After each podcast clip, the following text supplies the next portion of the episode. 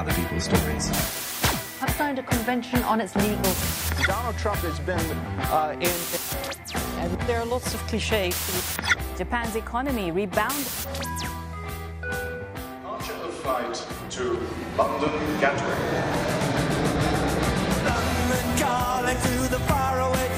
John Carlin, bon dia i bona hora. Bon dia, Roger. Com està, John? Tot bé per Londres? Tot bé per Londres. Tot i que aquesta setmana arribar fins a Londres precisament amb, amb avió està complicat. Exactament què ha passat a Gatwick, John? Sí, sí, no, tot va en Gatwick, nada. Eh, algo tremendo. O sea, cuánto me alegro de no haber tenido que coger un vuelo ahí porque yo voy muy seguido a, a Gatwick y, eh, y de repente, no sé, unos, unos, unos locos, no sé, unos criminales, unos terroristas, quién sabe qué, qué fines tenían, pero han estado volando sus drones ahí por el espacio aéreo de Gatwick y, no sé, más de 100.000 personas han perdido sus vuelos o se han cancelado y una cosa desastrosa. Gatwick es un enorme aeropuerto, es el segundo de Londres, pero no deja de ser uno de los grandes aeropuertos de más tráfico aéreo de Europa y una catástrofe. La verdad me da mucha pena esta gente que ha estado ahí. Muchos, claro, que se iban eh, de vacaciones de aquí para allá y, y muchos niños con la gran ilusión de ir a, no sé, a, a- ahí al norte de Finlandia, a ver a Papá Noel, todo tipo de historias tristes. Tremendo, una, una gente absolutamente irresponsable y repugnante que ha hecho esto. Qui també tindrà un Nadal força trist i també haurà d'agafar segurament molts avions, veurem si cap a Madrid, és aquest senyor d'aquí.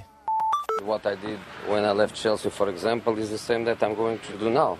I keep the good things and um, I don't speak about anything that, that happened in the club.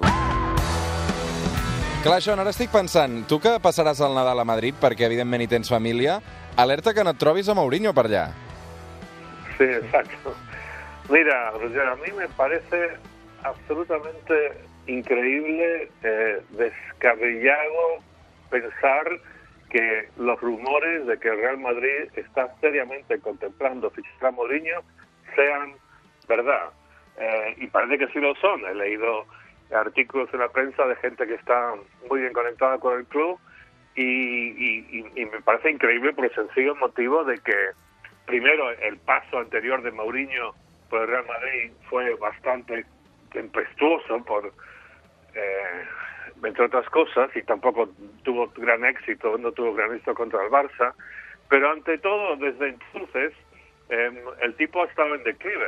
El, el- el fútbol que practican sus equipos primero el Chelsea y más recientemente el Manchester United fue un fútbol absolutamente caducado eh, de la edad de los dinosaurios una especie de forma de, de guerra primitiva lejísimos de la sutileza, armonía en el juego que ves en los equipos de, Guardiola, de Klopp, de Chelsea, de bueno, de, por lo menos la mitad de los equipos de la Premier League juegan un fútbol mucho más moderno, mucho más rápido, mucho más fluido que el que el United. Y, o sea, la noción de que podría recabar en Madrid, bueno, motivos de, de festejo, diría yo, para todos los aficionados del Barcelona. Um, pel que m'estàs Mourinho, a Anglaterra tampoc no hi podrà entrenar mai més amb aquest paper que no? Mira, Mourinho, es que yo no sé, es que, es que he escrito tantas cosas sobre Mourinho, he tenido tantas conversaciones sobre Mourinho en, en- en mi vida. A veure si que- et quedaràs que sense podría- feina ara, a veure si et quedaràs sense feina ara. sí, no es verdad. No, mira, eh, Mourinho eh, ha dado fantástico material para nosotros los periodistas, debe reconocerlo, yo a lo largo de los años. Y, y pero, pero, pero yo creo que aún eso, es, ese papel que juega como del, del villano, del malo de la película, hasta eso está perdiendo eh, la frescura, si esa es la palabra que, que tuvo, y se vuelve ya previsible. Siempre este papel como de, de niño de, de 14 años enfadado, ya empieza a, a cansar. O sea que lo que, lo que de cierto modo le salvaba a Mourinho era que, que nos, nos daba tema de conversación y, y motivo de, risa o de indignación. Y últimamente en el United lo veo como un casi como un pobre hombre.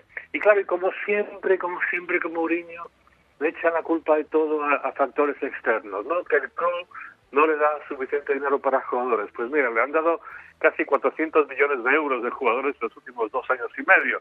Y después criticando a los jugadores en público. Es una especie de repetición de, lo que, de cómo acabó en el Real Madrid con el vestuario contra él. Y, pero nunca, nunca, nunca es su culpa. Pero lo que ocurre con Mourinho es cuando el equipo gana, habla en primera persona siempre. Cuando pierde, es la culpa de otros. Y se vuelve ya, como digo, repetitivo. Incluso este numerito que hace, ¿no? Teatral de siempre, eso también ya está ca- caducado. Y su juego, más todavía. Mira, te cuento una cosa. El fin de semana pasado, yo vi el último partido de Mourinho, el que le condenó cuando perdió contra el Liverpool eh, 3 a 1. Mm. El, el marcador no reflejó, el juego del Liverpool fue muy, muy, muy, mucho más superior que eso. Y después, dos o tres horas después, vi el Levante Barça. Ahora, como muchos de los oyentes aquí recordarán, ese partido lo ganó 5 a 0 el Barça. Mm. Pero durante la primera media hora el partido estuvo muy colado, igualado y el Levante estaba jugando muy bien y estaba pensando el fútbol que juega el Levante, la rapidez, la imaginación, la fluidez, la, la sintonía, estaba a años luz de lo que jugaba el Manchester, que era algo, no sé, absolutamente, como digo, primitivo. John, li dediquem aquesta cançó avui al Mourinho.